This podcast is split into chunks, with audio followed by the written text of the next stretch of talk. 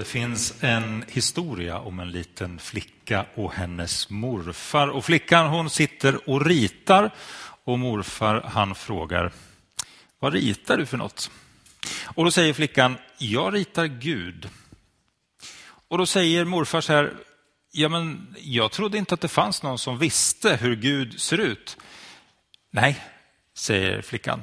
Det gör de inte, men snart får de veta. Vem är Gud? Hur är han egentligen? Det är väl en fråga som vi människor, tror jag, alltid har ställt oss. Och Det finns säkert lika många bilder av Gud som det finns människor.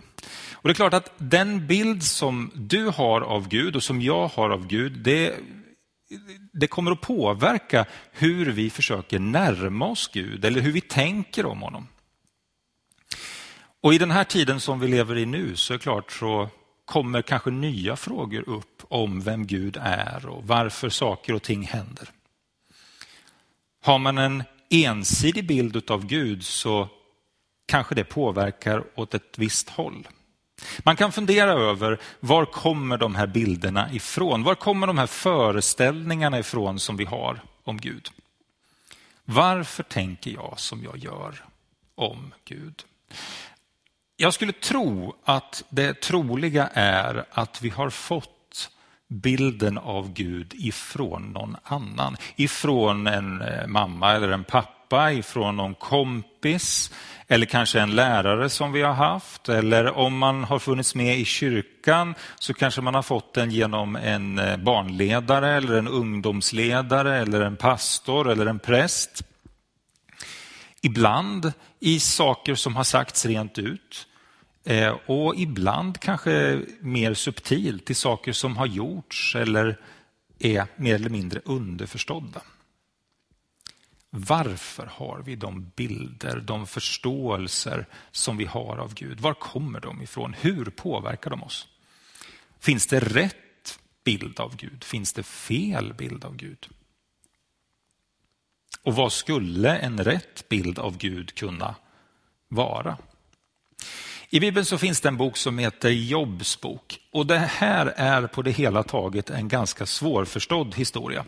Jag kommer ihåg de första gångerna som jag försökte läsa Jobs bok och tänkte så här att jag fattar ingenting. Jag har ingen aning om vad det här egentligen ska betyda. Och jag kan väl kanske inte säga att jag förstår den boken idag heller riktigt. Men jag tror att jag har snappat upp någonting utav vad boken kan vilja säga, åtminstone någon poäng och jag skulle vilja dela den med dig idag. Det, det är så här, i korthet går historien så här att Jobb, han är en exemplarisk människa. Han är en god människa som lever rätt och han älskar Gud. Han är alltså med andra ord omtyckt både av människor som är troende och sådana som inte är troende. Han är en förebild för människor. Men den här mannen Jobb, han blir anklagad av djävulen. Djävulen kommer till Gud och säger så här att eh, ja, det är väl inte så konstigt att Jobb är en så god människa. Han är ju så välsignad. Du vet att om du skulle ta bort Jobs välsignelser, då skulle du se att han är inte bättre än någon annan egentligen. Men det som framkommer är att Gud litar på Jobb och tror på Jobb. Så han tillåter faktiskt djävulen att sätta Jobb på prov. Och så följer då en berättelse då Jobb förlorar allt. Och bara detta skulle man naturligtvis kunna ha en predikan om.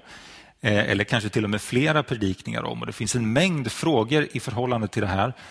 Tyvärr hinner vi inte med det just nu. Men det som händer är i alla fall detta att Jobb får besök av sina vänner. De kommer till honom och så vill de prata med honom. De vill väl hjälpa honom och de säger en massa saker. Och på ytan så verkar det där vara ganska förnuftiga saker. Det verkar vara saker som, som nog stämmer. Men Jobb, han reagerar starkt. Han tycker att de har inte fattat någonting. Och lite senare, eller mot slutet av boken, så kommer Gud in igen i, i själva berättelsen och han är skoningslös när han pratar om Jobs vänner. Han säger att ja, men ni ljuger ju om mig, ni talar inte sanning. Jobb har talat sanning, men ni har ljugit om mig. Och sen slutar det hela i att Jobb får fullständig upprättelse och så får han tillbaka allt som han har förlorat och faktiskt mer därtill. Alltså det här är på många sätt en svårbegriplig historia och berättelse. Men den lyfter ändå fram en sak och det är det att vi människor kan ha en förståelse av Gud som kan verka rätt och som på ytan verkar som att vi säger sanning fast vi själva verket missar vem Gud är, tar miste på det. Vad finns det egentligen för bilder som, som har getts om vår Gud? Ja, det är många olika saker som vi människor har sagt om Gud naturligtvis. Och mycket utifrån det vi läser i Bibeln. Ja, men vi tänker att Gud är allvetande, att han är allsmäktig. En del människor tänker att Gud är en dömande Gud, att Gud är en sträng Gud, att Gud är en Gud som egentligen vill ta bort all glädje ur livet och är, att han är emot allting som är roligt. Och ibland är det nog så att vi kristna, kyrkan, vi har kanske hjälpt till att lyfta fram de där sakerna och skapat en Gud som man nästan måste vara rädd för. Å andra sidan så finns det också en bild som vi gör av Gud när vi gör honom till, ja, vad skulle vi kunna säga, ett menlöst, tandlöst lejon. Man säger att Gud är kärlek och därför så, för att Gud är kärlek så måste han på något sätt infria våra önskningar. Gud måste lyssna till våra behov, han måste tillfredsställa dem och absolut inte ställa några motkrav på oss människor. För då är han inte längre den där kärleksfulla guden som vi tänker att han är och som vi vill ha. Och till detta så finns det krig och sjukdom i världen och då blir det ytterligare komplicerat för att tänka om vem Gud är. Återigen, de här sakerna som jag har lyft fram nu, det är grund för egentligen flera olika predikningar till. Men idag så är min själva huvudfråga så här. Går det att få en rätt bild av Gud? Och hur skulle det i så fall gå till? Det svåra, det är ju att du och jag inte ser Gud. Vi behöver hjälp på något sätt för att kunna lära känna vem Gud är. Och Johannes, han skriver om det Johannes evangeliet, det första kapitlet och den artonde versen. Där säger han så här, ingen har någonsin sett Gud. Men den enda sonen, själv Gud och alltid nära Fadern, han har förklarat honom för oss. Det finns alltså ingen människa som har sett Gud. Men vår tro är att det går att förstå vem Gud är, vad han vill med oss och hur han fungerar genom att se på Jesus. Det är i Jesu ansikte som vi ser Gud. Det är Jesu ord som vi hör Gud tala. Det är Jesu handlande som vi kan förstå någonting om vem Gud är. Vill du veta vem Gud är eller vill du veta vad den kristna tron säger om vem Gud är? Ja, men då är det nödvändigt att gå genom Jesus. Och allt annat som du läser i Bibeln måste förstås och kanaliseras genom Jesus. Jesus är nyckeln som låser upp din och min förståelse av Gud. Johannes han skriver på ett annat ställe lite liknande, första Johannesbrevet, det fjärde kapitlet och vers 12. Då skriver han så här, ingen har någonsin sett Gud, men om vi älskar varandra är Gud alltid i oss och hans kärlek har nått sin fullhet i oss. Återigen säger Johannes samma sak, ingen människa har sett Gud. Men det verkar som att det gör någonting med oss när vi möter Jesus. Att vi genom honom faktiskt lär känna Gud.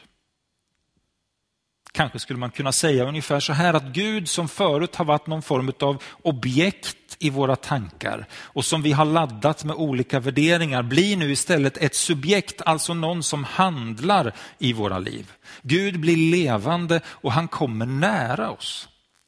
Vi går ifrån den där bilden, de där tankarna, de där idéerna, doktrinerna, dogmerna som vi kan ha om Gud till att faktiskt möta Gud, lära känna honom och se honom och förstå i Jesus när han kommer till oss som en av oss.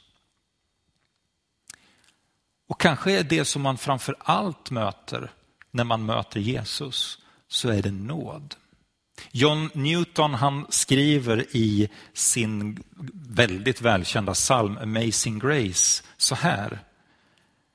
Amazing grace, how sweet the sound that saved a wretch like me. I once was lost, but now I'm found. Was blind, but now I see. Eller som vi har valt på svenska. Oändlig nåd mig Herren gav och än idag mig ger. Jag kommit hem, jag vilsen var, var blind, men nu jag ser. I mötet med Jesus så öppnas ögonen för oss och då kan vi se. Där vi förut var blinda så kan vi se och förstå något om vem Gud är. Det är någonting som händer i hjärtat i mötet med Jesus. Jag tar emot någonting från honom som förändrar mina tankar och mitt hjärta och min inställning till andra människor. Och så blir det som Johannes skrev, om vi älskar varandra, ja, då är Gud alltid i oss. Om vi älskar varandra, då är Gud alltid i oss. Det är alltså kärlek som kännetecknar den människa som har mött Jesus och börjat förstå vem Gud är. Kanske är det bästa sättet att förstå vem Jesus är genom det som Johannes skriver i det tredje kapitlet och vers 16 i, i sitt evangelium. Jag läser där. Så älskade Gud världen att han gav den sin enda son.